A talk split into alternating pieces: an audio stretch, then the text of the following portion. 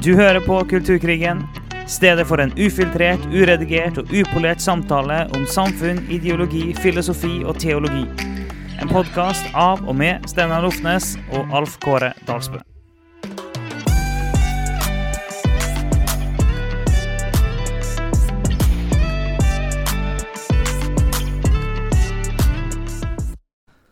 Så finner vi ut av det, hvem det er som skal begynne. ja, Alf Kåre han er helt uh, bestemt på at han vil ødelegge alle statene våre. Han vil ikke ha noe offisielt. Så. Han fortsetter med det terroriseringen. Men uh, jeg prøver å snike inn en konvensjonell stat. Så da sier Hei og velkommen til Kulturkrigen! Så uh, i dag har vi med Runar Gjertsen. Som ja, Har du kjent i noen år, Runar? Ja. Og eh, du er jo rektor på Bergen bibelskole. Det stemmer. Som er eid av da Kristen Fellesskap eller Kristent Nettverk. Og eh, ja, du har blitt kastet inn i en spennende tematikk om seksualitet og kropp og identitet og sånn de siste årene, og underviser litt om det. Ja. Um, og har studert dette en del, jeg har forstått. Så det kunne vært kjekt å høre litt sånn eh, Bare du forteller litt mer hvem du er, og så litt sånn hvordan kom du inn i den tematikken? Ja, det gjør jeg gjerne. Eh, Runar Gjertsen heter jeg, og eh, er far til tre stykk. Gift med flotte Kristina. Og så um, jobber jeg, som du sier, på Bergen bibelskole. og for Og så har jeg vært en del av Kristne Fellesskap i Bergen i siden 1988, faktisk. Jeg kjenner bare jeg sier det, så ble jeg ti år eldre eh, bare der.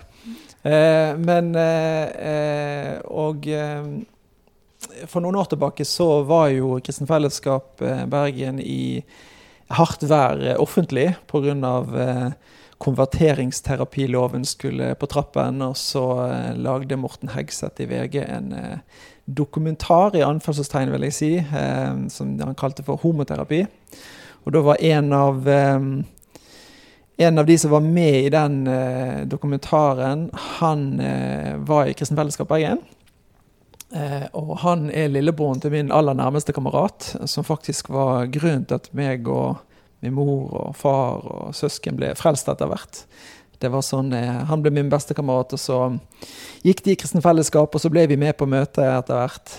Min mor ble frelst, tok imot Jesus, og jeg var med frivillig tvang. Eh, før jeg sjøl møtte Gud eh, etter hvert. Men eh, da, eh, etter noen år, så, eh, så sto denne mannen fram, flotte mannen fram og kjente på tiltrekning til samme kjønn. Arne Kristian heter han. og etter hvert så, som dette ble en veldig offentlig sak, da, så fikk vi jo vite en del ting som ikke hadde kommet fram. Eh, blant annet eh, Eller eh, det kulminerte jo at han opplevde seg ikke sett på den måten som han trengte. Og så kan vi være enige uenige i aspekter som kom fram. Vi var ganske uenige i en del av det, men allikevel så må vi alltid stille spørsmålet til oss sjøl. Hva, hva kan vi lære av dette? Hva er det vi kan ta med oss som vi faktisk er nødt til å gjøre noe med? Eh, så jeg gikk til en av de som har eh, hovedansvar i nettverk av menigheter, eh, Kristen Fellesskap-menigheter i Norge. Så sa jeg bare burde ikke vi være blant de beste til å gi hjelp i en tid der vårt syn på disse spørsmålene blir mer og mer kontroversiell. Mm. Så da hadde vi sånn eh, kleint, pinlig eh, 6, 7, 8, 9, 10 sekunder vi ser på hverandre. Så sier han ja, Runar. Eh, har du lyst til å ta tak?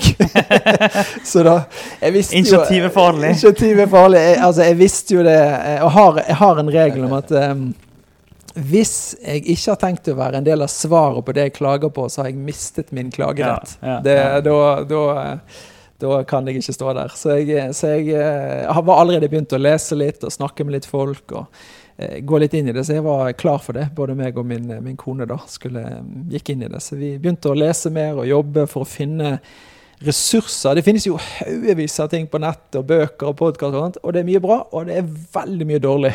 Mm. sånn bibelsk forankret. da. Så vi fant ut hvilke kan vi peke på, hvilke kan vi vise til som gode ressurser i disse spørsmålene, og være hjelp til folk. da. Det var starten. Og det, det er en utrolig viktig samtale, det her med ok, hvordan møter vi folk. Mm. når vi, som du sier, vi som har et standpunkt som er kontroversielt, Ja. da burde vi iallfall være de beste til å komme med svarene. Og når vi har et standpunkt som gjør at ikke alle, men noen i alle fall, Mm. opplever seg avvist, Ja. så bør vi ha gode svar. Det bør vi. Og mer enn bare prinsipielle slogans. Ja. Det er viktig. Ja, det er helt klart. Eh, En av de første mm, Jeg var på en samling i Sør-Norge der vi møtte flere representanter på vegne av eh, forskjellige kirkebevegelser, altså innenfor pinsebevegelsen, baptistsamfunnet og eh, ja, mange mange forskjellige kom sammen for å snakke litt om disse tingene. Hvordan kunne vi få en helhetlig, god, godt forankret teologi på dette som møter mennesker? Eh, Og da møtte vi noen som er blitt gode venner nå. Eh, Sven og Maren Veum heter de. De eh, sa noe at eh, det er viktig, inkluderende ord er viktig. Så de sa at eh, istedenfor å si 'de og oss', så må du, må er det god, godt å bruke uttrykket 'de av oss'. Eh, sant? Så med en gang man er inkluderende i ønsket om å være en del av de problemstillingene mennesker rundt oss har, så når de Istedenfor å skape ting med ubevisst med ord, og sånn, så sier de bruk, eh, bruk det. Og det har blitt eh, viktig for oss. de av oss. Mm. Hvordan kan vi være medvandrere for de av oss som ønsker å leve for Jesus eh, og ha Bibelen som referansepunkt, og i disse spørsmålene. Så det har vært eh, spennende. Spennende Mm. år. Mm.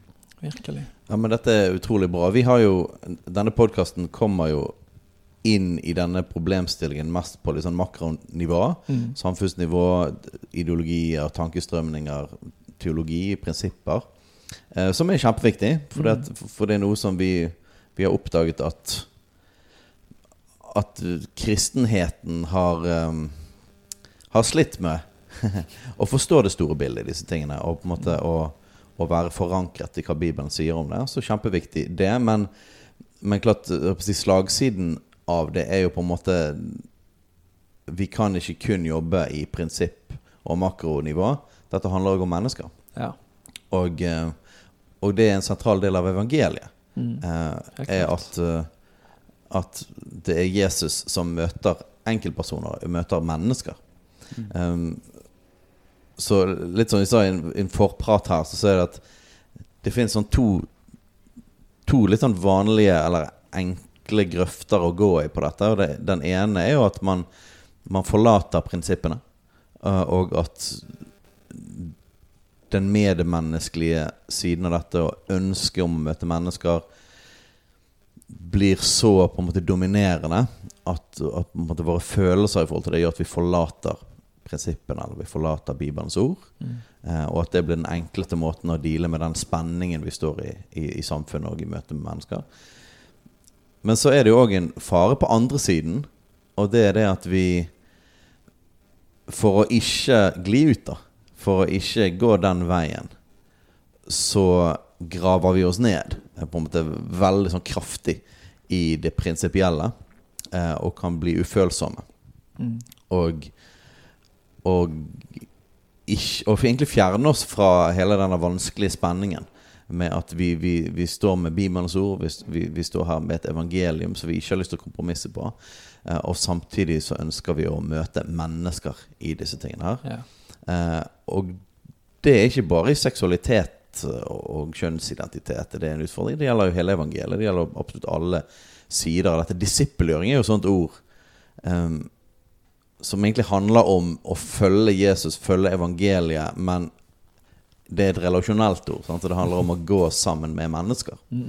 Eh, og skal vi disippelgjøre, så må på en måte vi ha begge de to eh, områdene. Da. Så jeg tenker dette, dette hadde vært litt kjekt å snakke litt mer med deg om, eh, Runar. For du du har blitt kastet litt sånn inn i dette og møter mange mennesker. Mm. Eh, og, og forstå, få kjenne på den spenningen. Da. Mm. Så kunne du sagt litt, litt om det? Jeg forstår det sånn at det kommer en del folk til deg. Du har jobbet inne med Og utgangspunktet var jo litt sånn her hvordan, hvordan møter vi som menigheter? Ja. med det synet vi har på Guds ord og på evangeliet, hvordan møter vi mennesker? Ja.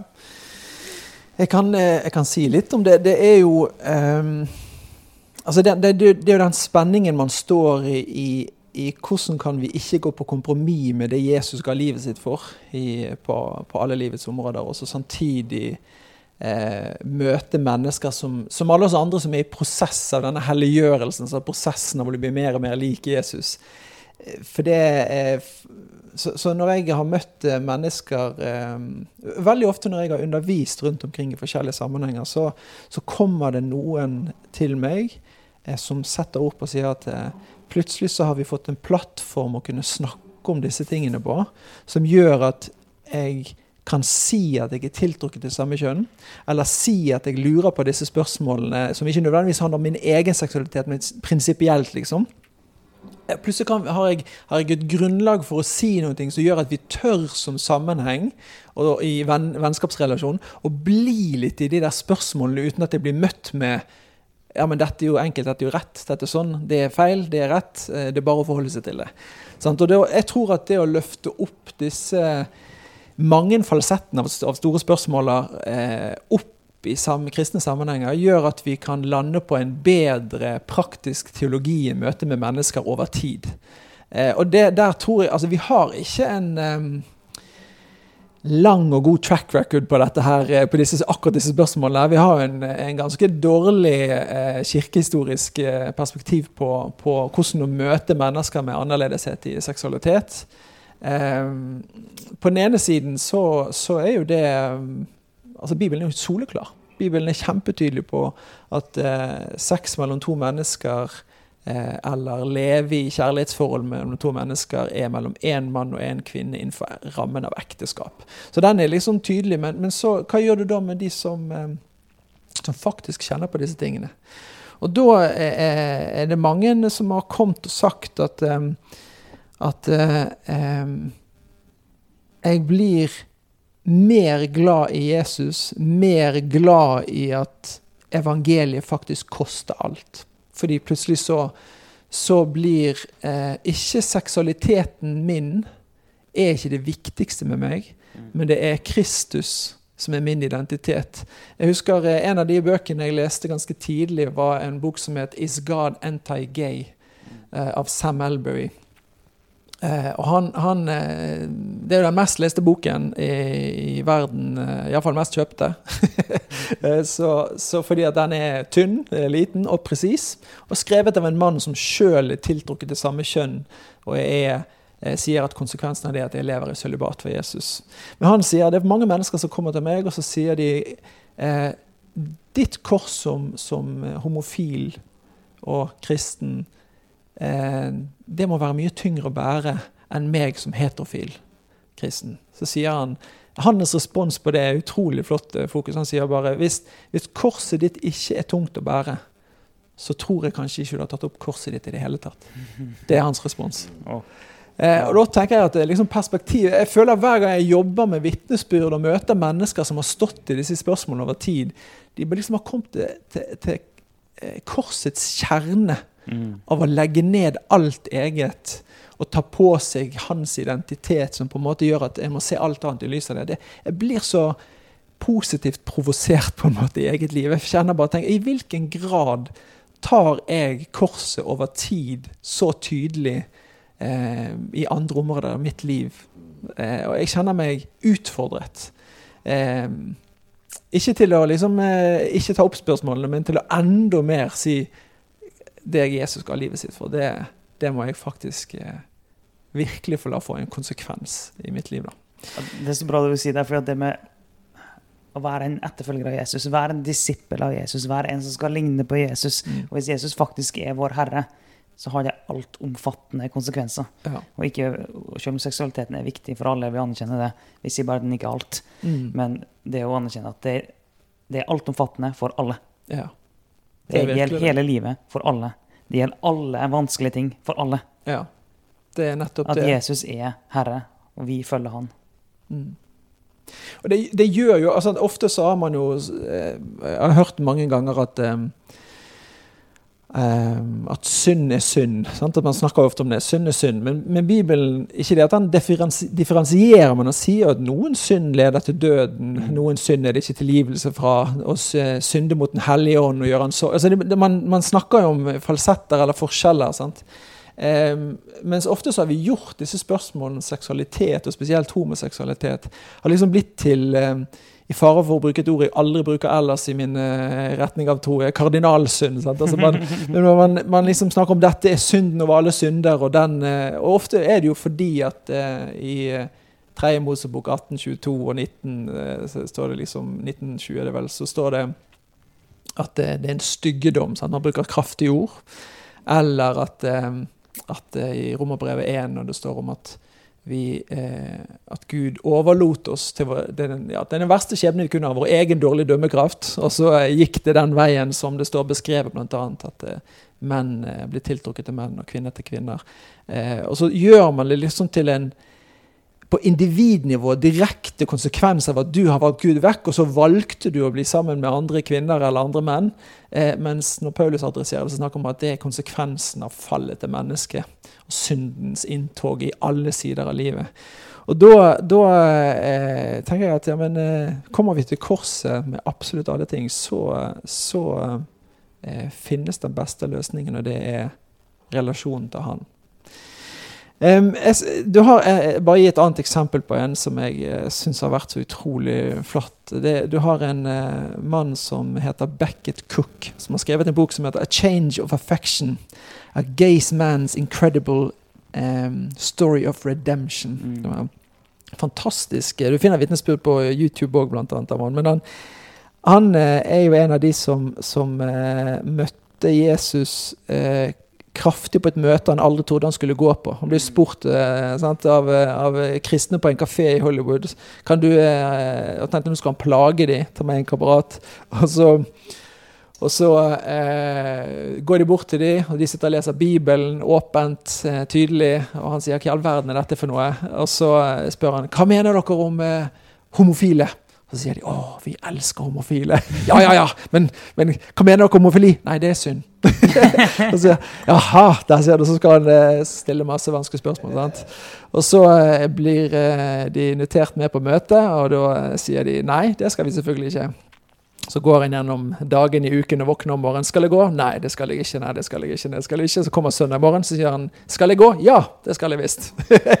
så går han på møte, kommer eh, på møte og tenker setter seg langt bak.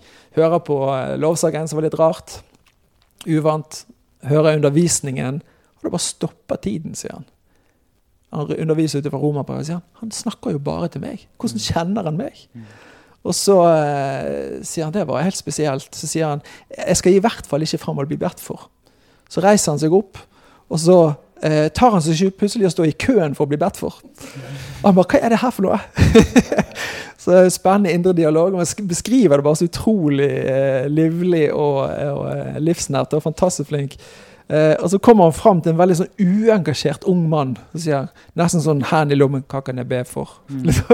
og jeg, jeg skal ikke dele noe nært og intimt med deg, så nei, du kan be for meg.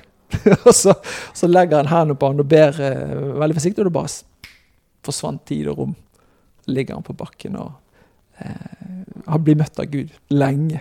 Og våkner. Eh, på, er det det han sier? Jeg våkner igjen, sier han. Eh, og sier han verden er blitt snudd opp ned plutselig er Jesus wow. referansepunktet til alt. Det er jo bare en helt fantastisk historie. Um, og sier at, men, men opplever at tiltrekningen til det samme kjønn den er der fortsatt. Mm. Men han sier at min identitet er jo Kristus. Mm. Det er ikke min seksualitet. Så han sier jeg er ikke en homofil kristen. Nei, jeg er kristen. Og så er det å være tiltrukket til samme kjønn det er en side ved meg. Det er ikke den jeg er. Mm. Og det er mange sånne historier også, av folk jeg har møtt som sier at ja, men når jeg leser Galaterbrevet og sier at eh, til og med det å være mann og kvinne er ikke min identitet i bunn og grunn. Ja, jeg er jo det, og det er en viktig side, selvfølgelig. Men, men det er Kristus som først og fremst er min identitet. Og det er klart det blir et helt annet utgangspunkt å gå inn i disse tingene hvis man har møtt Jesus som referansepunkt. Eh, så man må liksom starte der og føre mennesker til å kjenne Jesus, og så ta det derfra. Det blir så mye lettere. Mm. Og det er jo det vi gjør med alle andre ting i disippelgjøring. Mm. Ja. Faktisk har vi, vi, har pratet om dette fordi det var um, sånn internt i, i, i lederskapet i menigheten vår. ja. rundt at det var noen forsøk for journalister rundt dette loven med konverteringsterapi. Så var det noen forsøk for journalister i, i Sverige mm. på å prøve å få konverteringsterapi, sånn at man kunne ta noen. Eh, noen menigheter og sånn. Og så drev vi og snakket om det, og hva skal vi gjøre i forhold til det. Og så Personlig syns jeg at dette er utrolig enkelt. Mm. Fordi at vi, med ingen spørsmål i livet, bruker vi som første ting La meg hjelpe deg med denne spesifikke synden, eller denne spe... Det, det blir jo Det blir å gjøre sånn som vi gjør med absolutt alle folk. Mm. Du, du trenger et møte med Jesus.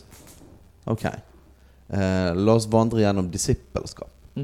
Jesus som Herre. Så skal du følge han La oss gå gjennom omvendelsen. La oss gå gjennom tro. Skal du følge Jesus, ja. Da trenger du å bli døpt. Så trenger du å bli, du bli fylt av Den hellige ånd. Og så trenger du lagt til menigheten og fellesskapet. Og, og trenger å vandre liksom og kjenne Gud. Lese Guds ord. Og lære å be. Og lære å tilbe Jesus. Og, og så begynne å vandre. Hele den greien. Og så tenker jeg at hvis en journalist er villig til å gå gjennom tro og omvendelse og dåp og bli døpt i Den hellige ånd, og klare å fake at de blir fylt av Den hellige ånd og taler i tunger, de er med i fellesskap, de blir lagt til menigheten, de lærer å helbrede syke og kaste ut onde ånder og forsyne evangeliet. Og hvis de klarer å gå gjennom alt det, eh, helt til vi begynner å snakke om mer spesifikke ting, hva er på en måte i din helliggjørelse og din vandring med Jesus, så, så har du disse og disse utfordringene ja, da, da, blir jeg veldig imponert. Mm. Eh, og hele, hele, poenget er at la oss gjøre det vi alltid gjør, og lede mennesker til Jesus. Ja. Eh, og etterfølgelse av Jesus.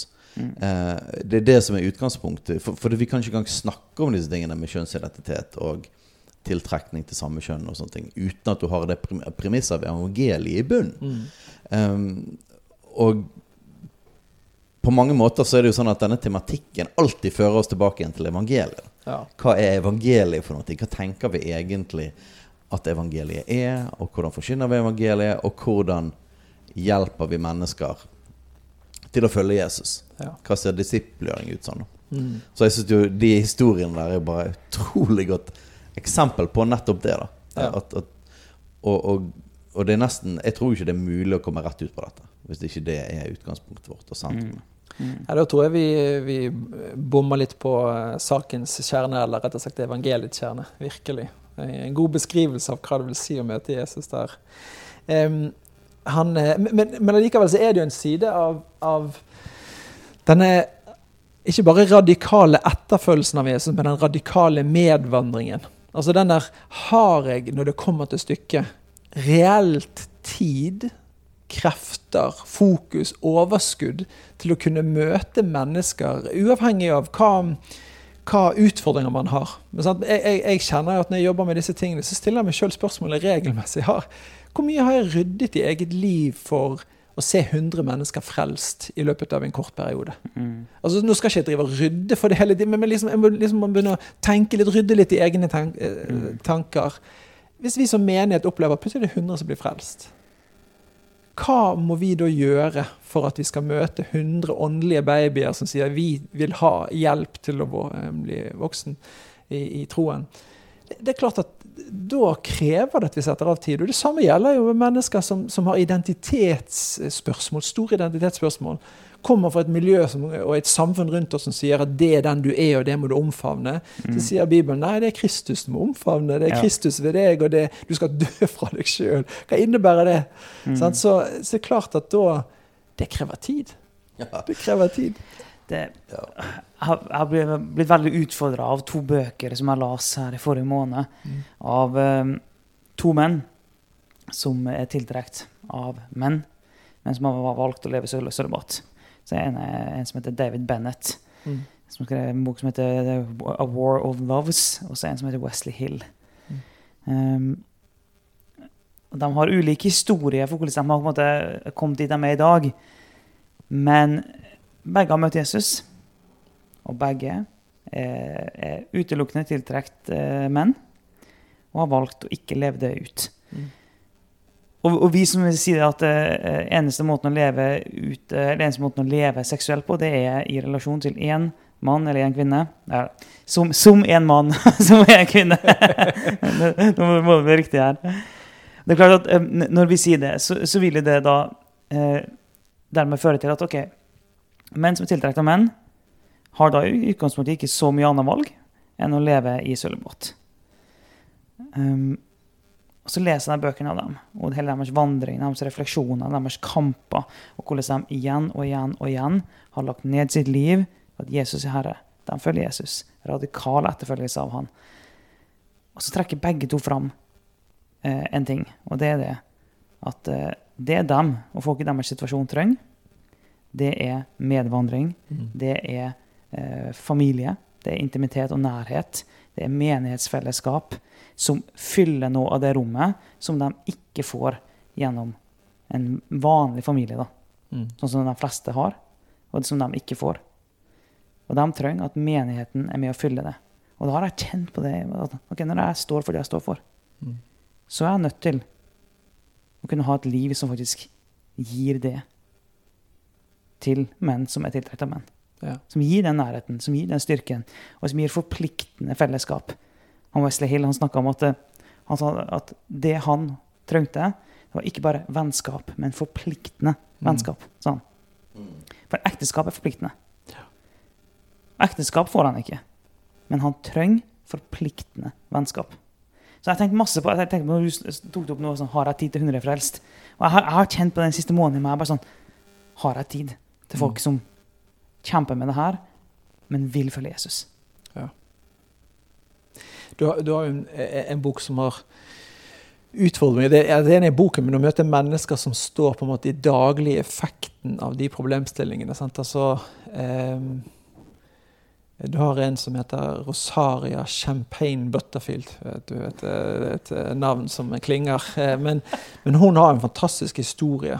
Eh, Du finner eh, vitnesbyrd hennes på YouTube hvis ikke du har lyst til å lese boken. Men, den, men eh, hun er tiltrukket til samme kjønn, og så møter hun Jesus. Det er en lang historie, jeg skal ikke ta hele den. Men, men det ender opp med at hun eh, tar et oppgjør med fortiden, som innebærer at hun mister vennskap og mister miljøet av vennskap. Og, så er, og da er hun avhengig av at menigheten på en måte skal bli familie reelt, og ikke bare en eh, søndagsmøtepunkt.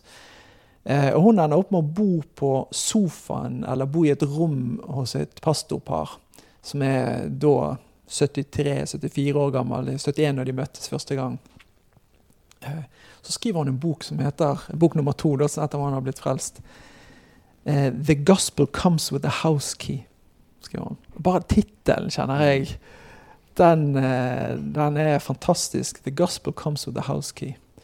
Um, og det Altså, jeg må bare skyte inn, hun, hun leser jo Bibelen syv ganger før hun tar imot Jesus. Det er jo mer enn mange kristne har lest eh, Bibelen gjennom hele livet. Altså, tenker, eh, det burde ikke være sånn, men det er sånn, dessverre. Men, og så møter hun bare Jesus til slutt, etter to år. Eh, skrev en bok for å skrive 'Hvorfor kristne ødelegger verden'. Det var utgangspunktet. Det er skummelt, Gud. det der. Ja, det, Jeg har møtt for mange folk som vil eh, lese Bibelen for å motbevise Gud og sånne Ja, ting, ja. som, som endte opp med å møte Jesus.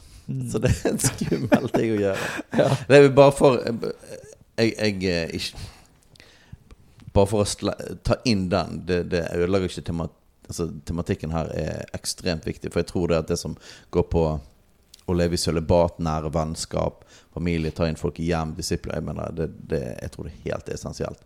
Men jeg vil bare også nevne det at det finnes òg folk som kjenner på tiltrekning til samme kjønn, som er gift Mm. med motsatt kjønn. Ja.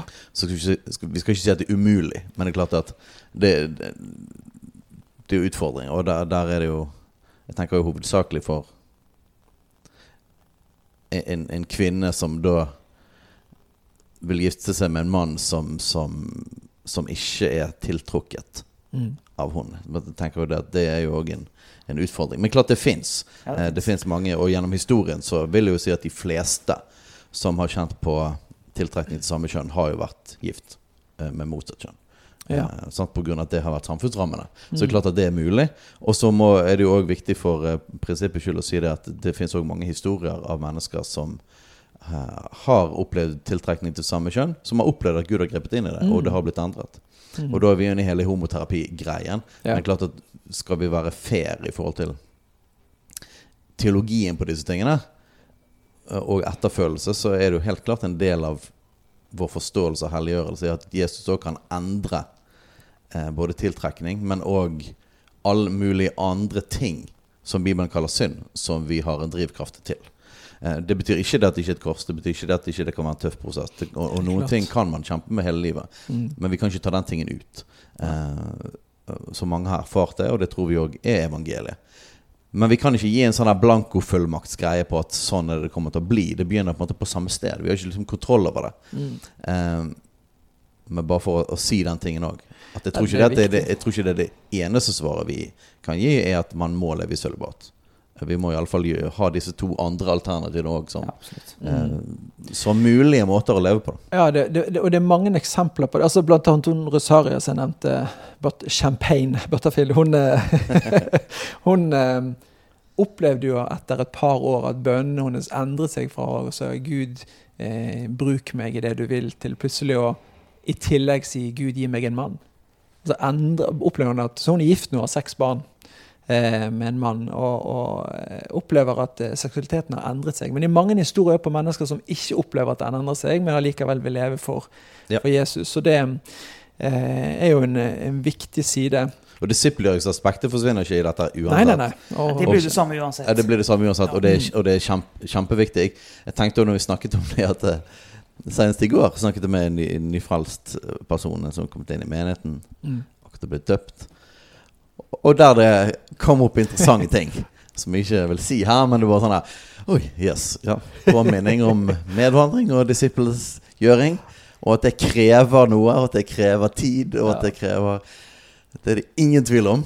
Så liksom eh, Det tar ikke vekk gleden over at mennesker blir frelst. På ingen måte. Nei. Men det, det, det trykker definitivt på problemstillingen at oh, dette krever noe av oss. da Ja. Det krever noe av oss å ta folk inn i med Ja, og vandre, vandre sammen med dem til å følge Jesus. Eh, og og eh, ja, og det gjelder ikke bare når det er disse, disse typer spørsmål, men det gjelder på en måte hvis du kommer fra et liv vekk fra Jesus hele livet ditt. Klart det. Så det er klart at det er, det er et ganske annerledes liv å Ja. begynne å følge Jesus. det er Ja, det er sant. Og jeg vet, det var- men det var bra det du sa det- i sa i stad, det med å bare bredde det ut litt, og det er viktig. Og, og jeg tenkte, på- tenkte på det og en kobling mot uh, noen ting du snakka om i stad, Runar, med det her med at vår identitet er først og fremst Jesus. Mm.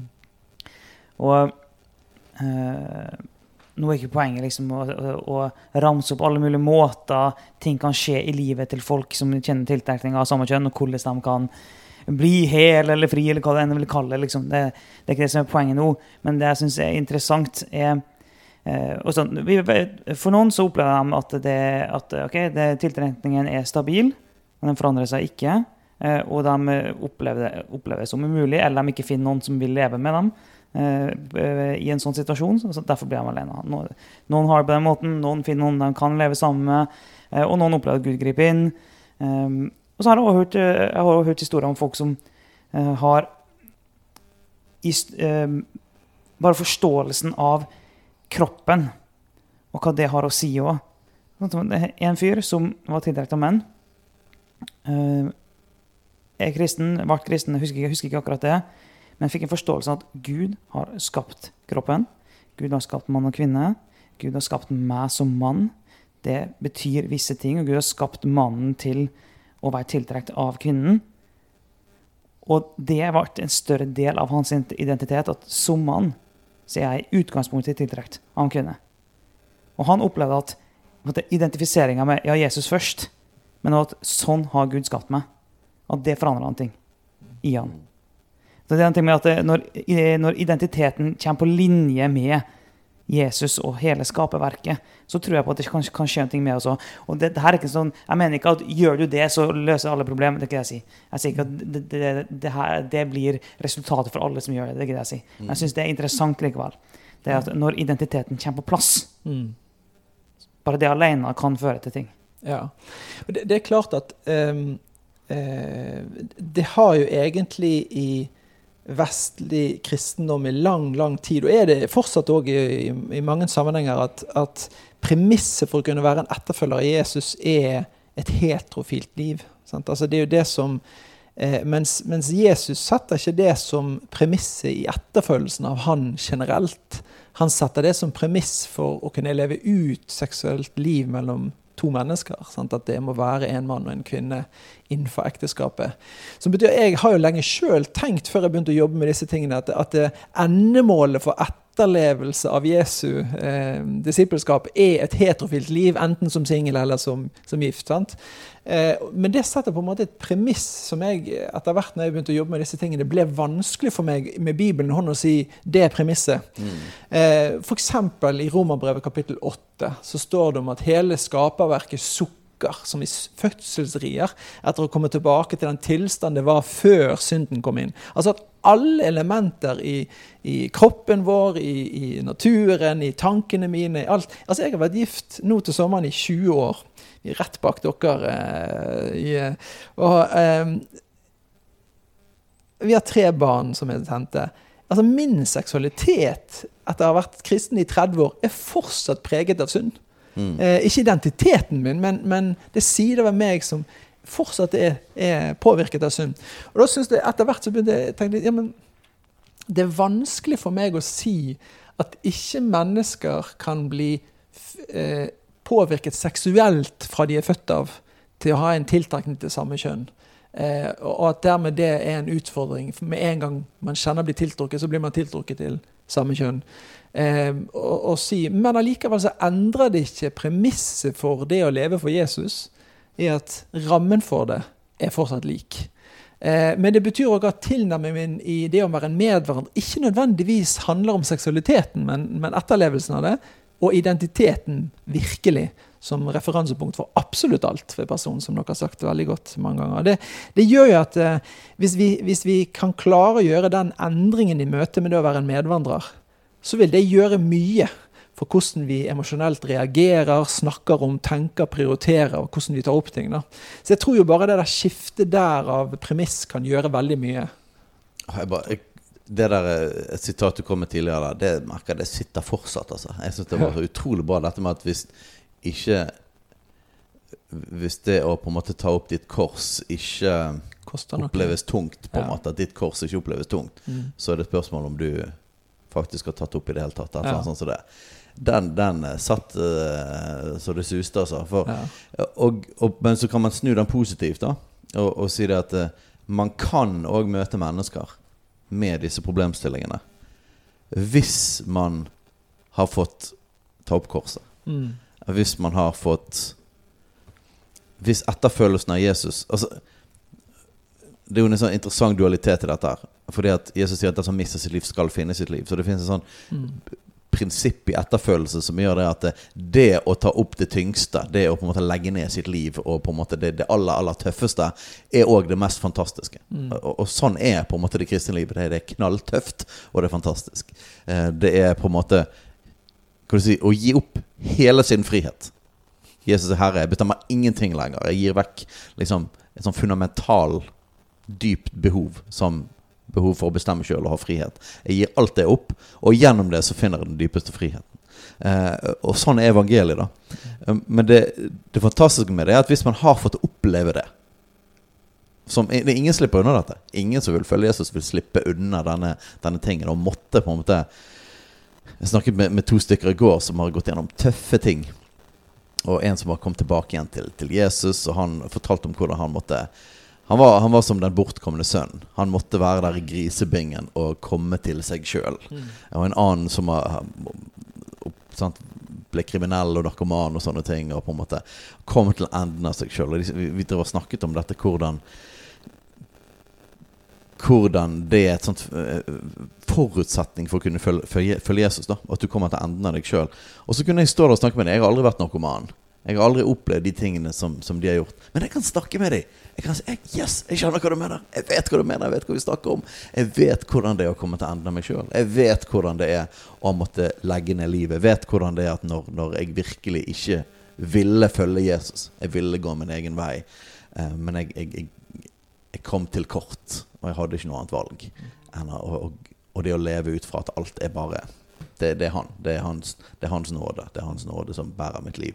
Men fordi at jeg har erfart i mitt eget liv, selv om jeg ikke har kjempet med kjønnsidentitet og tiltrekning til samme kjønn, så, så kjenner jeg det stedet der. Mm. Eh, og da har vi et felles utgangspunkt som vi kan vandre med mennesker. Det, men det sier òg noe om at hvis du ikke har kommet til det stedet, så, er du, så har du et veldig dårlig utgangspunkt for å hjelpe mennesker med dette. Mm, eh, det er kun på en måte en, en, en genuin, dyp etterfølgelse av Jesus, et møte med Jesus, som kan hjelpe. Mm. Kan gjøre at du kan hjelpe folk med dette. Som er såpass såpass tøft, og det må vi kunne si. Eh, at uh, det, å, det, å, kjempe med Du kan si det sånn at det var kanskje vanskeligere før i tiden å kjenne på denne tiltrekningen og kjempe med det med tanke på at det var kun fordømmelse fra samfunnet. Eh, det hadde på en måte sin egen kamp. I dag så vil jo den store kampen å være en kristen og kjenne på den tiltrekningen og si at jeg vil fortsatt følge Jesus, eller jeg vil ikke leve det ut. Fordi at, fordi at trykket fra samfunnet går i så utrolig kraftig mot at du må leve det ut. Ja. Eh, og det er klart at det er tøffere enn de fleste andre ting, eh, tror jeg, i den kulturen vi er i nå. Altså dette det trøkket som er da den kampen du har på innsiden, i tillegg til det trøkket utenfra, ja. gjør at du er satt i en, en ganske spesiell, tøff situasjon. Og klart skal man hjelpe hjelpe folk i den situasjonen til å følge Jesus, ja, da må man virkelig ha tatt opp korset sjøl. Mm. Hvis ikke, så, så har vi lite å komme med, tror jeg. Helt klart. Og så er det òg en, en, side ved at eh, vi som bor i Norge nå, er jo eh, Altså at jeg er pappa til tre. Det, det, er absolutt alt man skal være innom av tematikk på skole og barnehage. og sånt. Det, det har et eh, snev av det, disse elementene om, om, seksualitet som en viktig del av eh, premisslegger av hvem du er. Mm. Og, det, og, og, så får du jo sånne avarter, og det, det, det, gjør jo bare at dette blir et mye mer viktig spørsmål å ta opp, og tema å ta opp, som en viktig del av å være etterfølger av Jesus for barn og unge. Og det er det jeg på en måte, som, som jeg er jeg er ikke bekymret. Jeg opplever at pendelen snur nå i samfunnet og i, i verden. At, at det er gått så langt i disse aktivistsidene at, at pendelen er i ferd med å snu. Men allikevel så står vi igjen med en generasjon og to som har vokst opp under dette, og som ikke kjenner noe annet. Mm. Som allikevel skal stå i effekten av det, og som etter hvert er neste generasjons ledere. Og, sant? Det er klart man må jobbe med noe. Så vi, vi, kan på en måte ikke sitte stille i båten og tenke at vi skal eh, la det gå forbi. Eh, for, for vi har jo mennesker imellom oss. Mine egne barn må vi jo sitte rundt og prate med rundt middagsbordet. Eldstemann som er konfirmant i går, hun er jo selvfølgelig, eh, har masse spørsmål. Eh, mellomste som går eh, i mellomtrinnet, hun er sånn som regelmessig i middagen sier Kan vi snakke om noe annet nå? Men det blir for mye. Men vi tenker det er veldig viktig å prate om disse tingene. Fordi at identiteten formes av skolesystem og venner og alt det. Jeg syns det er bare interessant i, i, i, i sammenheng med vår eh, Anette Trettebergstuen som, eh, som eh, altså det, Nå har jeg jobbet innenfor politikken i mange år eh, før jeg ble rektor på bibelskolen her. og da det er noen sånne styringsprinsipper det er veldig interessant. At en som er aktivist på et område, kan være øverst ansvarlig for gjennomføringen av en lovendring. Det, det, er, det er sånn demokratisk interessant. Men, mm. men det er jo en side. Men hun, eh, for tre-fire år siden, når jeg begynte å gå inn i disse spørsmålene, så kom vi på biblioteket, så står det en bok som står 'homo' med svære bokstaver. Så tenkte jeg oi, den må jeg lese, tenkte jeg. For det, må, det her var jeg begynt å jobbe med. Men så står det 'For deg som er, lurer på om du er, eller har lyst til å bli homo', tenkte jeg er det et valg? Det var jeg var ikke klar over. Så jeg bare tenkte det her var jo veldig interessant. Men jeg leste nå boken. På side 108 så skriver eh, Anette Trettebergstuen heldigvis er seksualitet og kjønnsidentitet flytende. Og det vi liker i én periode, trenger heller ikke være det vi liker resten av livet. Så tenkte, Oi, det var... Noen forelsker seg i damer, men liker å ha sex med menn innimellom, og motsatt. Uten at de syns det gjør dem bifil av den grunn. Føler du det sånn, eller er det helt ok? Slapp av, det er bare du som definerer deg. For, for noen er det så godt å ha noe å kalle seg. Og så kommer han inn på det interessante. Folk skifter selvsagt også fil. Og selv om du, om du, hører og leser mest om, er historien om at folk går fra å definere seg som heterofil til å definere seg som bifil eller homofil, så går folk andre veien òg. Noen mennesker veksler flere ganger i løpet av livet. Det finnes ingen fasit for kjærlighet, kjønnsidentitet og seksualitet. Mm. Og dette er hun som uh, jobber med Konverteringsterapi. ja, som sier at det er lov til å skifte ene veien, men det er ulovlig å skifte andre veien. Det er det hun jobber mot. Mm. Og det er også sånn sjøl skrevet boken eh, der hun skriftliggjør det motsatte som et premiss for eh, seksualitet.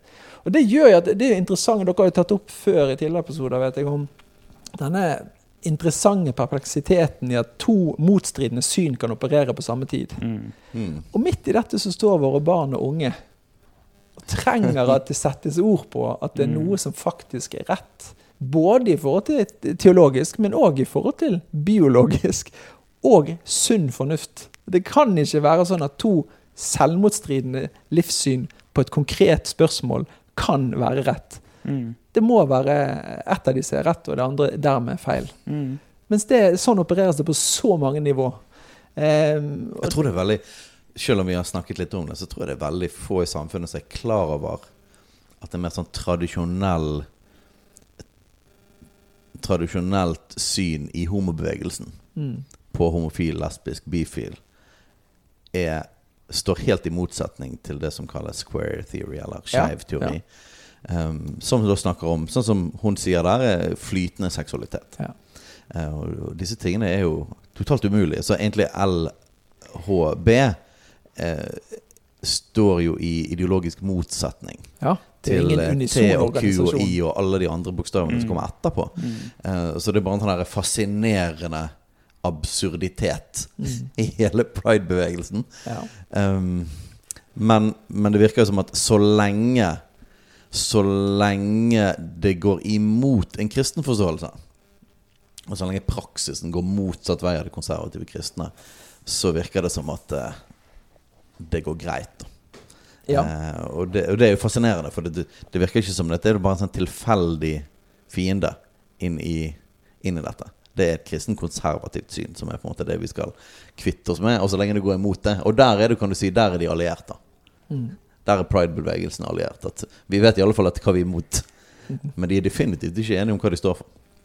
Nei, og, og, altså, kan, det for, for oss da som tror, tror på objektiv sannhet, så blir det jo selvfølgelig sånn at med en gang du har to syn som, er, eh, som utelukker hverandre, så er jo da selvfølgelig vår reaksjon at men da, da er det sånn, da er det det ene er rett, det andre er feil, og da, den kan ikke operere side ved side. Men så er det jo da noen som mener at det går an, selv om sånn som vi har om en del ganger før også, at jeg tror jo det at eh, flertallet av norsk befolkning er ikke dypt postmoderne i sin tankegang. Flertallet er, er, tenker ut ifra eh, For vi tror rett og slett at Gud har skapt oss, og det, det får konsekvenser for hvordan vi tenker, og hva vi intuitivt ser på som sant, godt og rett, til en viss grad. Derfor tror ikke jeg på at flertallet av norske befolkning er dypt postmodernistisk. Det tror ikke jeg på. Jeg tror ikke at flertallet av norske befolkning tror at sannhet er flytende. Jeg tror ikke. Men den blir påvirka av det, for den har ikke tenkt igjennom ting. Mm. Så derfor, så den blir påvirka av tanken om at sannhet er individuelt, det er subjektivt, men at det som er sant for meg Og hvis alle går rundt med sin egen sannhet, så kan det bare være mange sannheter som kan eksistere side om side. Og, og, men jeg tror egentlig at flertallet innerst inne Mm. tror på at det finnes en sannhet. Og så, Eh, ja. hørte jeg noen nå, som eh, trakk opp som jeg, For vi har snakka om at mye av det som preger oss i dag, er eh, tanken om min og din sannhet. Og det er veldig relativistisk. Og det er sant. Det påvirker oss veldig mye. Samtidig så er det jo et spørsmål om er, det relativismen som er det mest pregende nå. For det er jo en ganske kraftig sånn absolutt, si, absoluti, absolutisme eh, i dag òg. Med at det er bang, det er det her som er sant. Og er du imot det, så er du homofob, da er du ute, da er du transfob, osv. Ja, jeg, jeg, jeg, det er noen veldig interessante sånn, strømninger som, som foregår parallelt. Jeg, syns at eh, Jeg snakket med, med Espen Ottosen for en stund tilbake, og da sa han eh, noe veldig veldig interessant. Som, han, jeg syns han sa det veldig godt. Han sa at vi må huske at uh, de vi hører mest av, er jo aktivistene. Men de aller fleste vi møter, er ikke aktivister. De er mennesker i livskrise. Og det er de vi må fokusere på. Vi må selvfølgelig ta tak i aktivisten og den samfunnsstrømningen, men så ofte kan vi glemme i vår reaksjon på aktivistene og prinsippene og, og ønsket om samfunnsendringen. Så glemmer vi de som står i livskrise. Um, det, var en interessant um, Jeg vet ikke om dere har vært gjennom det før, men, men i, i, Sverige, sant, når de nå, nå endelig endret uh, litt på tilgjengeligheten for kjønnskorrigerende inngrep, så det interessante i forkant av endringene sant? Sverige har ligget åtte til ti år tradisjonelt sett foran oss i disse spørsmålene, eller bak oss, alt etter som det spørsperspektivet. Men eh, så hadde du denne Transtoget fra svensk TV1-dokumentar. Transtoget. Ligger på YouTube, så kan du se både med på svensk og med engelsk tekst. Men eh, den ble sendt for der man fikk fram noen historier på folk som angret på å gjøre kjønnskorrigerende inngrep. Eh, og etter hvert så skapte det en stor samfunnsdebatt i Sverige. Eh, og de eh, lagde episode nummer to og tre og fire, og jeg tror nummer fem er på vei nå. Men det skapte et sånt momentum i, i, svensk offentlig debatt rundt disse tingene. Og plutselig så var det en av de som hadde vært de mest framtredende eh, transseksuelle debattanten for det å tilgjengeliggjøre eh, kjønnskorrigerende inngrep eh, for unge han sjøl sto fram og angret i løpet av den perioden. Og ble en kjempemotivator for at eh, praten skulle bli enda mer personlig og tydelig. Og Det gjorde at eh, etter hvert så tørte politikerne å ta en, eh, en spørreundersøkelse i Stockholm, der de spurte er blant befolkningen er eh, disse kjønnskorrigerende inngrepsmulighetene for tilgjengelige. 80% svarte ja. Wow. Og plutselig tar de oi, 80% I Stockholm. I og det sier ganske mye. Ja. Jeg har jo operert med en sånn eh, Vi har snakket om Vi har en sånn hypotese på at flertallet av Norges befolkning ja. eh, nok ikke har kjøpt transideologien. Eh, det, det, tror ikke vi er riktig. Jeg tror ikke de fleste tror at kjønn er, mm. er flytende. Eh, men det er tydelig likevel i lovverk og partier og sånne ting altså, hva vei, hvor vi er på vei. Mm. Men jeg tror ikke det at det, det gjenspeiler den norske befolkningen. Men sånn, den norske befolkningen som helhet er jo rimelig mye mer konservativ mm. enn befolkningen i Stockholm. da ja, helt klart. Eh, så, så, det er jo veldig interessant, da hvis 80 ja. av Stockholms befolkning ja. syns at det var for, for tilgjengelig. Ja, og det gjorde jo at eh, politikerne da gjorde et vedtak om å endre, ikke reversere alle, men de stoppet en del av de mest radikale de skulle gjøre, og så, så strammet de inn litt. Eh, og så er de utsatt før de skal få redegjort mer. Eh, det da. Men det som er enda mer interessant, er at eh, sant, det var jo akkurat som i Rikshospitalet her i Norge, så økte det med 3000 blant eh, det som dere har snakket om før, vet jeg, om at spesielt eh, jenter i 12-13-årsalderen den, den, er jo lik både i Sverige, Australia, USA, Canada, der, der, dette utvikler seg tidlig, da. Eller har gjort det, som er foran oss på en måte i dette. I Sverige så var det sånn at når den innstrammingen kom, bare det å uttale at vi skal til, ikke tilgjengeliggjøre den like mye, så falt kurven parallelt i en kort tid. Wow. Eh, innenfor det, kort tid. Det er interessant. Eh, veldig interessant statistikk å lese. Eh, og, og, som bare viste igjen at dette har med det som kalles for rapid onset gender dysphoria, altså mm. som hun Abigail Shrier kom med uttrykket først. da. Eh, veldig interessant. Den bare droppet. Eh, som viser at dette har mye med hva venner og media tilgjengeliggjør og gjør. Sånn. Så det der var, er bare utrolig interessant. Sånn sett viser det jo òg at uh, Sånn sett viser det jo òg at lovverket er viktig, da. Mm. Uh, og, at, uh, og at når du Og at lovverk skaper. Um, og gjennom at du gjør noe tilgjengelig det, For en konservativ kristen er dette sånn selvfølgelig i barneoppdragelse. Men, men vi tror jo det at rammene òg former barna, da. Eh, så klart at hvis du gir alle mulige slags muligheter, så vil det òg føre til at flere har lyst til å benytte seg av dem. Men klart strammer du inn rommet, så får du Da har du litt færre ting å velge mellom. Mm. Og eh, sånn, hvis du er ekstremt liberalist og tenker det at vi skal ta lite som mulig av rammer, eh, så vil det nok skape en del behover òg, da. Mm. Eh, så Sånn sett så er jo lovverket viktig. Det at det kan falle bare ved at de strammer inn litt. Det høres for meg ut som at her er det kommet noen voksne på banen. Ja. At, at, det er noe eh, At man tenker at det finnes noen At storsamfunnet har et ansvar da, mm. i forhold til tenåringer. Um, at man ikke kan på en måte lage et system som er klar til å gjennomføre alle spontane ideer fra en tenåring. Mm. Eh, Det tror jeg kanskje er en eh, smart vei å gå. Men, men eh, det, det var veldig interessant å høre. Mm. Det kunne vært interessant å ta det òg litt videre inn imot uh, dette med å snakke om kroppen. Mm. Um, vi nevnte i, i samtalen før her om paven og kroppens teologi. Kroppens teologi jeg synes det er, utrolig, det er et veldig godt begrep. Ja. Og vi har vært litt grann innom det. Um, men hovedsakelig ut fra det vi ser i skapelsesfortellingen og, og versene der om mann og kvinne. Ganske altså, rett fram. Men, men du har uh, gått litt dypere i Bibelen på, på dette med identitet og kroppen, siden vi nå er inne litt sånn i trans, transproblematikken. da. Mm. Um, det hadde vært spennende å, å høre litt mer om hva sier Bibelen Mm. om kroppen, og hvem er jeg? Ja. Um, Jeg kan godt eh, si eh, veldig, veldig kort om det, eller raskt hyppe innom eh, flere ting. Det, det er klart at Jeg nevnte i sted dette med seksualitet som premiss for å kunne være en etterfølger av Jesus. Så, så spørsmålet mitt når jeg skulle gå inn og gi reell veiledning i møte med mennesker i hvilken grad Jeg har alltid tenkt at kroppen er viktig. Kroppen er en viktig del av å følge Jesus. Men i hvilken grad skal det være hovedpremissleverandør av spørsmålene i disse tingene? Eh, og da, når jeg går inn og ser på det, så, så, så bekrefter det det jeg har tenkt, men ikke vært teologisk forankret i, sånn tydelig nok. I at f.eks.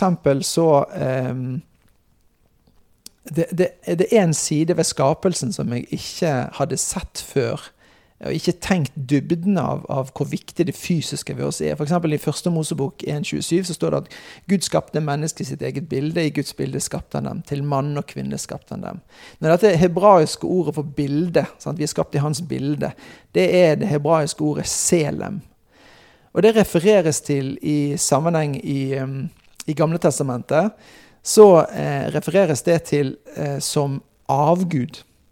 Altså ordet Selen betyr avgud. Eh, så tenker jeg ja, Gud har gjort oss til avguder. Det er jo en spennende eh, Eller vet, man kan jo gå feil der. Men, men det, det, som, det som Hva er en avgud? Jo, avgud er en fysisk bilde på en ikke-fysisk ting. Sant? Eller en person eller guddom. Sånn som Gud har ved det fysiske oss gjort oss Altså det fysiske ved oss er en, en viktig side av å være en bild, bærer av bildet av Gud. Så dermed så Bare ved å bruke det ordet selem, så, så, så, løfter han opp det fysiske ved oss. Og så gjorde han selvfølgelig det å puste Guds ånd inn i oss, sånn at eh, vi blir en levende skapning ved Guds ånd. Men allikevel det er interessant i disse tingene. da. Han løfter opp det fysiske som en essensiell del. En annen side er jo at uh, han, når han sier at de skal være fruktbare og fylle jorden og legge den under, så bruker han det hebraiske ordet for mannlige sakar og nekabau, eh, kvinnelighet. Og i første Mosebok eh, seks, når du leser om dyrene som går to og to inn i arken for å befolke jorden eh, Eller ikke befolke, men dyrene skal så, så, Fylle jorden. Fylle jorden. Skal, så, så, er det de samme ordene han bruker på hebraisk om mann og kvinnes rolle. Sant? Altså, den mannligheten og kvinneligheten i reproduksjon er en vesentlig side av å være skapt i Guds bilde og gjøre det Gud har sagt, og fullføre oppdraget. Jeg pleier alltid når jeg underviser å si at, at er da reproduktivitet et premiss for å være en fullverdig bærer av Guds bilde? Nei, det gjør han ikke, for Jesus var ikke gift, selv om mange vil si han på en måte var forlovet når eh, Johannes døperen blir jo kalt eh, forlovet. Eh, eller forlover, så det er veldig interessant det der. Men jeg skal ikke bli der. Men i hvert fall så sier han at og, og Paulus sier jeg skulle ønske dere alle var som meg, singel. ja, ta det litt langt, kanskje. Men han, han sier det, han sier det iallfall at det, det, vi må ikke være gift for å leve fullverdig for Jesus. Ja, så, så det er en viktig side når man først hiver det ut. Det, det var bare. For jeg leste akkurat om det. Det er helt spontant, men plutselig en helt ny tanke koblet på det her med å leve i sølibat, og det med at ikke det er en begrensning av etterfølgelsen av Jesus. Mm. Så bare slo det meg akkurat fordi jeg leste akkurat dette, at Paulus argumenterer jo for singellivet ja. Som bedre i etterfølgelsen av Jesus. Ja. Fordi at da trenger ikke du å ha, ha, ha, omsorg for det som hører denne verden til. ja. eh, og jeg har jo noen ganger blitt litt provosert av Paulus. Tenkte at det skal jeg diskutere med deg. For hva med, hva med skapelsen og hva med sant, sant? Men det bare slo meg plutselig at det er jo et utrolig understrekning Mm. av i hvor stor grad du virkelig kan leve for Jesus Ja. Mm. som singel. Ja. Ja, altså Måten Paulus argumenterer på for singellivet, er jo Ja. faktisk kjempelig sånn her Ja, men dette frigjør jo deg ja. til å leve enda mer for Jesus. Ja, det er det. interessant. Jeg har, ikke, jeg har ikke tenkt på det Nei, men det, det er veldig interessant. Jeg, jeg syns jo at eh, for meg har blitt Matteus 19, når Jesus blir konfrontert av eh, eh, fariseerne som kommer og sier Kan en mann skille seg fra sin kone for hvilken som helst grunn? Det var liksom utgangspunktet. Mm. Og så tar Jesus og løfter opp spørsmålet og ta det videre.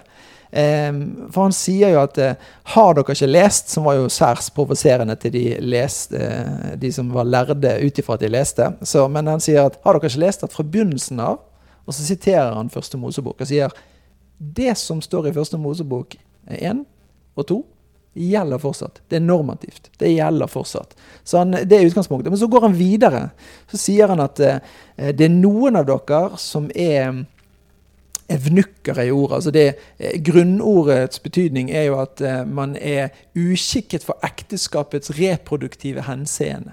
Altså, Mm. eh, sant? Altså, så I den sammenheng. For var Mark enukk, så var du jo da kastrert, sant? Ja. Ja. Du kunne være enten kastrert eh, at, du ikke, at du ikke kunne reprodusere. Du, altså du var, genitalene dine var ødelagt fordi enten var fødsel av, eller i krigen, arbeidsulykke, eller hvis du var heldig i noen kulturer og særs uheldig i andre, eh, så var du, fikk du jobb med hoffet. så dermed så Mm. kunne du ikke, kunne du ikke være reproduktiv var, eh, fordi du skulle passe på 20 kvinner for eh, så det var, Enten var du heldig eller uheldig, alt etter kulturen du var i. Ja. Men, men i hvert fall så, så sier Jesus at eh, noen evnukker fra fødselen av, noen er evnukker fordi andre har gjort deg til det, og noen er, gjør seg sjøl til evnukk for himmelrikets del, eller for Guds rikets del. Eh, og, og det er klart at eh, jeg hører jo noen undervise om at eh, her snakker Jesus om homofili. Nei, han svarer på spørsmål om ekteskap eller skilsmisse. Mm. Men så benytter Jesus muligheten til å løfte opp ekteskap og sier at ekteskapet er ikke for alle. Noen er uskikket av forskjellige grunner. Og noen gjør seg sjøl ikke giftbar, eller ikke eh, for de skal leve for Jesus. Han sa egentlig det samme som, som Paulus. Han. Men det han gjør der, er at han løfter singellivet, og så løfter han ekteskapet. Ja. Så han gjør begge deler. sant? Yes. Eh, og det er det som jeg syns er fantastisk med det skriftstedet. der, at han, han er- det, ja. Men i denne sammenheng, for å snakke om kroppen, så sier han det er normativt. Mm. Ekteskapet er normativt, eh, gjeldende mellom én mann og en kvinne. Eh, men så har du en Jeg skal ta en siste. Er mange, eller jeg kan ta to, to, så det er mange flere å ta. Men bare en veldig interessant ting. I første Mosebok kapittel 2, og vers 21-22, så står det at da lot Herren Gud en dyp søvn komme over mannen. Mens han sov, tok han et ribbein, som på hebraisk er et sela, og fylte igjen med kjøtt. Av ribbeinet Herren Gud hadde tatt fra mannen, bygde han en kvinne, og han førte henne til mannen. Når det hebraiske ordet sela det er brukt mer enn 40 ganger i Gamle Testamentet.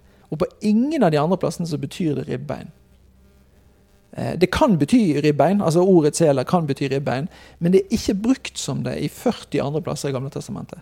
Veldig ofte når det brukes som, eh, brukes som eh, i Gamle Testamentet, så er det i sammenheng med eh, tabernakelet eller tempelet, altså helligdommen der Gud bor og Gud er, hans herlighet er.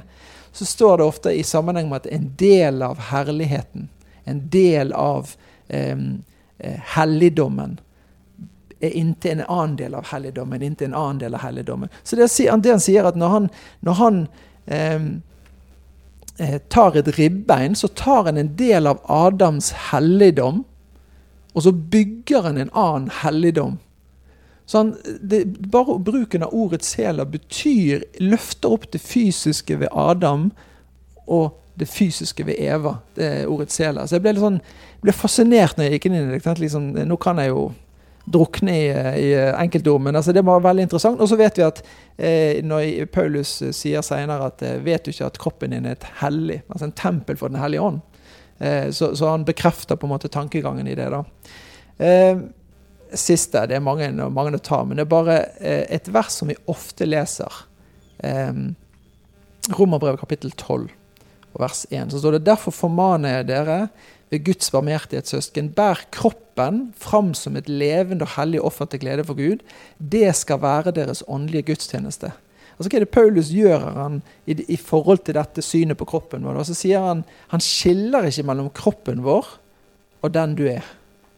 Og Han sier at kroppen din er en del av din åndelige gudstjeneste. Sant? Vi ofte så vi lever jo i en tid som dere har snakket om før, om en sånn, sånn gnostisisme, en dualisme, en skille mellom kroppen og sjelen, eller den jeg er. Den jeg er på innsiden, er mye viktigere enn kroppen. Men Bibelen er motsatt. Den sier at kroppen er en vesentlig del av den du er og, og sier du er ånd, du er sjel, du er kropp, og du kan ikke dele det opp. Eh, og Derfor Paulus ofte når han snakker om disse tingene, så sier han dere, kroppene deres, lemmene deres, du, du, du Og så sier han om hverandre. Så han sier at eh, kroppen din er en vesentlig del av å være bærer av Guds bilde. Som betyr at når jeg eh, bare for noen av en, en, liten måned siden så kom det en mann til meg og så sier han at eh, jeg kjenner på kjønnsinkongruens. altså Jeg kjenner meg utilfreds i egen kropp. Jeg liker ikke å bruke det der uttrykket 'født i feil kropp', fordi det legger et premiss for tankegang om at det er mulig. Mens, mens jeg tror ikke ut ifra Guds ord, jeg tror ikke i forhold til biologien, bekrefter disse tingene. Den sier det motsatte. Den sier at kroppen din er en viktig del av hvem du er. Som betyr at nå når jeg setter meg ned med mennesker som kjenner på disse tingene, så vil jeg egentlig ganske raskt bekrefte det òg. Ikke, som en, ikke som en sånn 'nå skal vi bli i ordet sammen', men, men en sånn en viktig del av å følge Jesus er faktisk å omfavne den han har gjort det til, og kroppen din er en viktig del av det. Det sa jeg ikke alltid så mye i begynnelsen, jeg begynte med disse men det har blitt mer og mer viktig for å bare med en gang sette det som et premiss. Um, og samtidig anerkjenne det faktum at herlighet, tenk at du kommer og deler dette med meg, som er så intimt og så nært og så sårbart. Det vil jeg verdsette, det vil jeg ta imot og være en del av. Og det krever litt Ikke bare litt, det krever mye. Mange av mennesker jeg snakker med, sier at de beskriver det som at jeg står opp om morgenen, og så føler jeg at det er tusenvis av nåler som står i kroppen min. Og jeg ser meg sjøl i speil, og jeg kjenner ikke meg sjøl i forhold til den jeg opplever meg som eh, på innsiden. Sånn at når de går ut døren, så har de brukt opp energien til liksom å kunne tenke rett om seg sjøl i møte med andre ting, eller eh, tolke ting i beste henseende. Sant? Så de sier bare at det krever så mye. Så jeg må liksom eh, jeg, må, jeg må, ta den med i prosessen, samtidig som jeg ikke skal gå på kompromiss med at det faktisk er et svar. Og han er først og fremst en person. Selv om det er noe som er rett, så er han en person. Og sannheten er Jesus. Veien og livet og sannheten, som, som han sa sjøl. Altså, det, det, det, er så, det, er så, bra. Det, er så mange veier en kan gå her òg. Men jeg, bare, jeg sitter inne med en refleksjon her. Fordi vi tror hele hjertet på at Gud har skapt oss. Kroppen er oss. Altså, mm. vi er en del av det. Kroppen er en del av oss. Um, og så tenker jeg på hele og, og, det at vi er kroppen vår, er jo én av flere årsaker til at f.eks. at vi ikke tar lett på sex. Mm. Vi tar ikke lett på sex, for sex er ikke bare noe vi har. Det er ikke bare, noe, det er ikke bare kropper som, uh, som, koser seg sammen. Det er ikke utveksling av kroppslige væsker? Nei, det, det, er så mye mer ja. enn det. Mens gjennom hele den seksuelle revolusjonen mm. kobla på tanken om å skille kropp og person. Ja, Da har nemlig da personen Derfor kan du bare ha sex med mange, for kroppen er bare et skall. Mm. Så det har ingenting å si hvem du har sex med. Kroppen er bare skall. Og hvis kroppen er bare et skall, så kan du selvfølgelig begynne å endre på den, du kan operere på den, du kan styre på. Så, så, så det, det, her er jo en bit. Så skiller mellom kropp og person, legger et grunnlag for et utsvevende sexliv. Det er et grunnlag for tanken om at det går an å være født i feil kropp. Så det er Ehm, det er jo en grunnleggende altså en tanke som er grunnleggende motstand mot det kristne menneskesynet. egentlig. Og så tenker jeg på med hele den seksuelle revolusjonen som jeg har latt meg overbevise av, av en dame som eh, ikke er kristen, som uh, heter Louise Perry, som skrev en bok som heter 'The Case Against the Sexual Revolution'. Der hun argumenterer for at det, det som egentlig skjedde, var at, at kvinnene har har begynt å leve ut seksualiteten på menns premisser. Mm. Eh, og det er ikke det at kvinnene har blitt fri, det er bare at de har begynt å ha sex som menn. Mm. Det er det hun argumenterer for. Og jeg er helt enig med henne. I måten hun beskriver det på. Så du kobla da på ok, du skiller kropp og person. Og så er det et press i samfunnet for at kvinner skal oppføre seg seksuelt som menn. For vi vet det. Dette er det gjort undersøkelser på. Spør du en tilfeldig kvinne eh, ville du hatt sex med en, tilfeldig mann. Nesten ingen. Jeg, lurer på det, så, om, det, om det faktisk er null òg, omtrent. Så å si null prosent svarer ja på det spørsmålet. Mens nesten alle menn svarer ja på spørsmålet. så nesten ingen kvinner er åpne for tilfeldig sex egentlig. Nesten alle menn er åpne for tilfeldig sex. For vi er grunnleggende forskjellige i hvordan en ser på det. Så kvinnene det, det er um, OK. Og, nå, og, så har du hele denne situasjonen med denne enorme økningen i jenter som vil bli menn. Eller gutt, jenter som vil bli gutt. Som har lyst til å altså Det er sånn hundrevis og tusenvis av prosents økning. Og grunnen til at jeg uh, har sittet og tenkt på her for det, eller, ja, Nå blir det masse sånn bøker her. Men det er, jeg leser en del bøker for jeg sitter på sykkelen min hjemme. Og så sykler jeg og så leser jeg bok samtidig. Det, det, er min måte å klare å lese på. Da får jeg lest masse. og, så jeg skal ikke sitte her og skryte av at jeg har tenkt alle de tankene her sjøl. Men, men, jeg la en bok som heter The Genesis of Gender. Um, der Eh, det var en eh, tidligere sånn professor i, i kjønnsteori som var frelst. Eh, så hun switcha helt om da, i hvordan hun tenkte om det her. Hun argumenterte for at når den økningen i den enorme økningen i jenter som vil bli gutter, har sammenheng med jenter, seksuell revolusjonen, begynner å leve seksuelt som menn. Du har skilt kropp og person. Uh, og, og, du har en veldig sånn seksualisering av kvinnene. Det er en objektifisering, og det, og, og det er en ting som kvinnene vil vekk ifra. Dermed blir det, det så, så for mange jenter, for å komme seg vekk ifra det En av løsningene da er å bli gutt. Mm. Og det, det, har jeg tenkt masse på. Det, det, er bare noen dager siden jeg leste den, så har jeg tenkt flere dager på den biten her. Stemmer det? Er, er det noen ting i den, i den teorien altså, ingen, ingen teorier svarer 100% på greia. Men på har vi faktisk et samfunn der en andel jenter vil flykte fra det og bli gutt pga. skillet mellom kropp og person, pga. seksuell revolusjon osv. osv. Jeg, jeg tror jo at Hvis du hadde spurt mange jenter som kanskje er grunnleggende drevet av det. Hadde ikke nødvendigvis svart ja på det, tror jeg. Men det interessante, hvis man ser historisk på feminismens bølger, på en måte, eh, så står man nå egentlig i konsekvensen av femte bølge. Eh, eller fjerde, nei, femte bølge. Um, og da er jo det egentlig logisk at det er den veien det går, ut ifra eh, kvinners og feminismens rettighetsønske. At det man egentlig vil, er jo at man skal være likeverdigheten eh, ende til slutt opp i sitt ytterste form for to kjønn. To kjønn blir ett kjønn sant? I, i tilnærming. Ikke sånn fysisk, eller det, det ser vi jo nå at det kan få. Men jeg tror jo mer av det vi ser nå av den store bølgen av uh, unge jenter spesielt som ønsker å skifte kjønn, handler mer om at istedenfor å håndtere uh, egen identitetsutvikling og utfordring i det, som vi alle generasjoner har hatt, så har man, uh, har man plutselig kommet til en, en, mulighet for å gjøre noe fysisk med en psykisk og Eh, langvarig utviklingsproblematikk. Altså, eh? Vi, jeg tenker bare når jeg vokste opp, så Jeg, jeg har jo vokst opp i, i tohjemsutfordring, problematikken. Og eh, har jo opplevd det både som eh, seks-syvåring og som 18-19-åring. Eh, mine foreldre giftet seg og skilte seg med hverandre to ganger. Eh, sånn at eh, jeg gikk gjennom en del ting i, i eget liv av eh, hva det skulle bety i spørsmål. Sånn. Og det er klart at hvis, du hadde hevet inni denne greien her i tillegg spørsmål om jeg var gutt i det hele tatt Jeg har vokst opp med tre jenter. Min mor og to søstre, og min far var mye borte.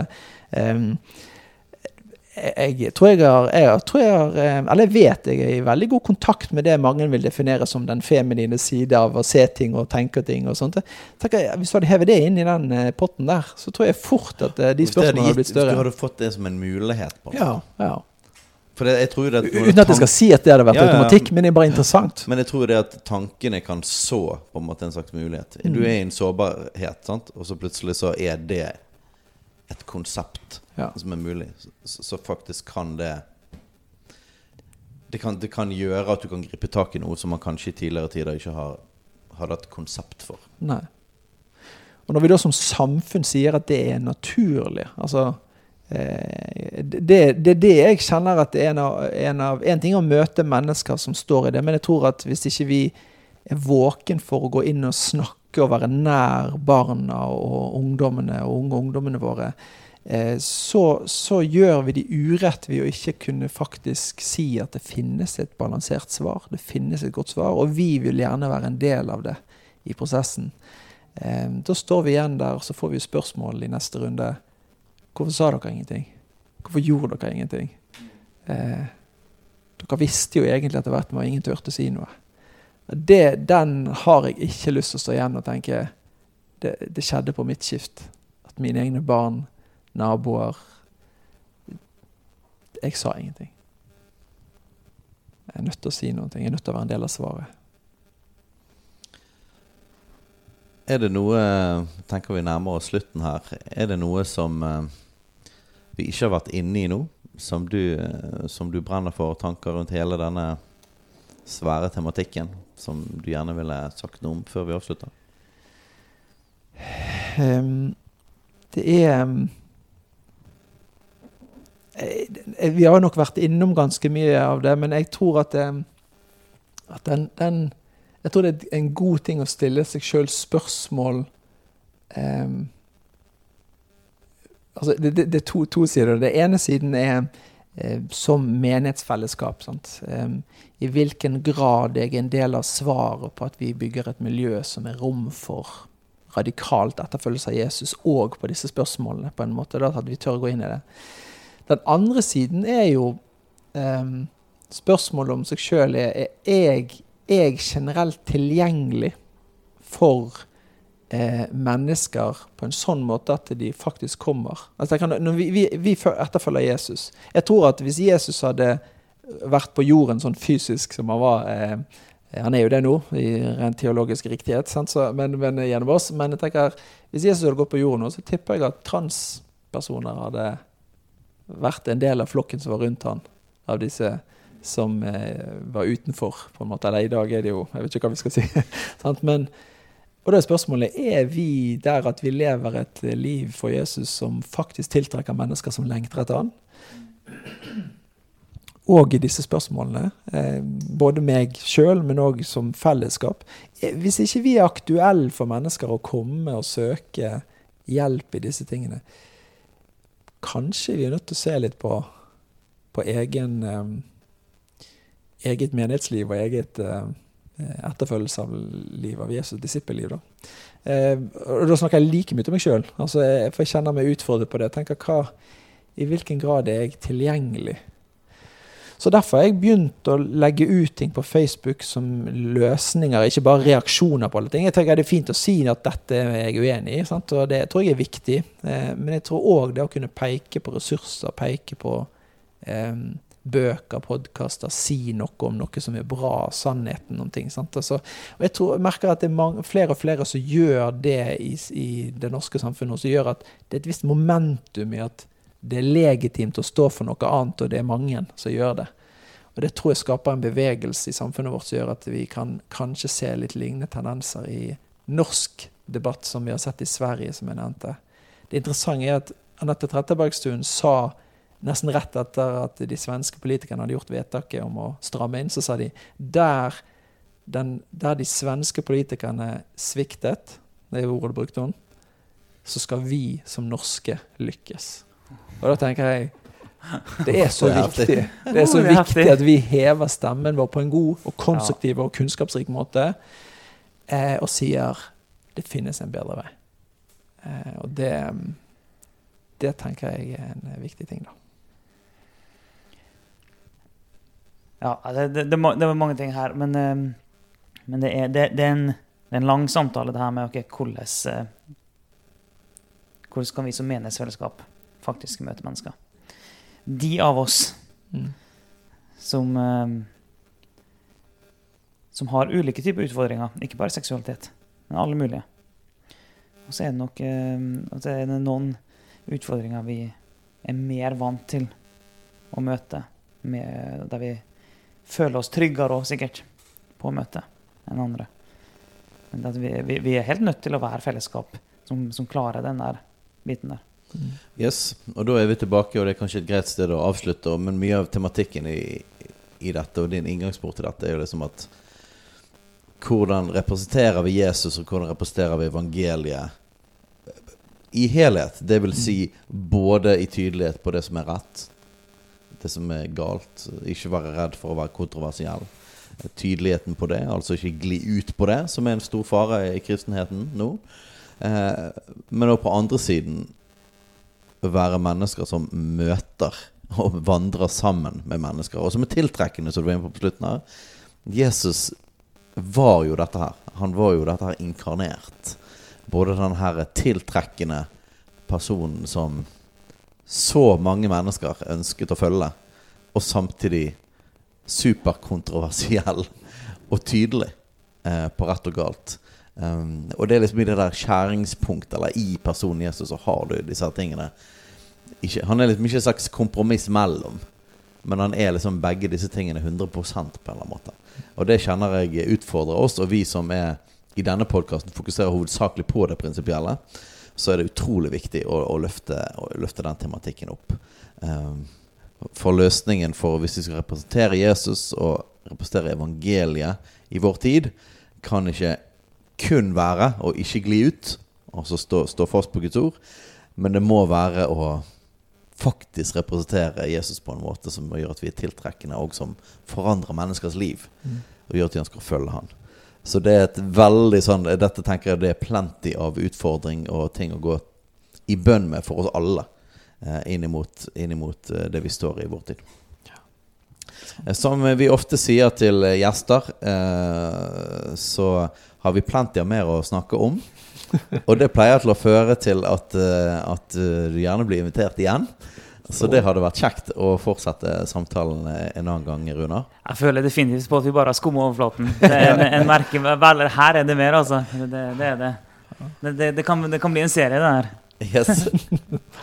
Så helt super, supert, Runar, inn i det du har dukket inn i her. Kjempeviktig for oss kristne og for, for Guds menighet i Norge å dukke inn i disse spørsmålene. Og det er jo skummelt dette å bli svaret på det behovet man ser sjøl. Mm. Mm. um, men jeg tenker at den utfordringen går ut til oss alle egentlig gjennom det du mm. deler. Det at liksom Ok, hvis vi vil dette, og det vil vi, uh, så betyr det noe for våre liv. Um, så helt supert, Runar. Vi uh, snakkes igjen. Takk for det. Og så kan vi si til våre lyttere at uh, Kulturkrigen kommer igjen neste uke. Bare heng på. Kulturkrigen raser videre.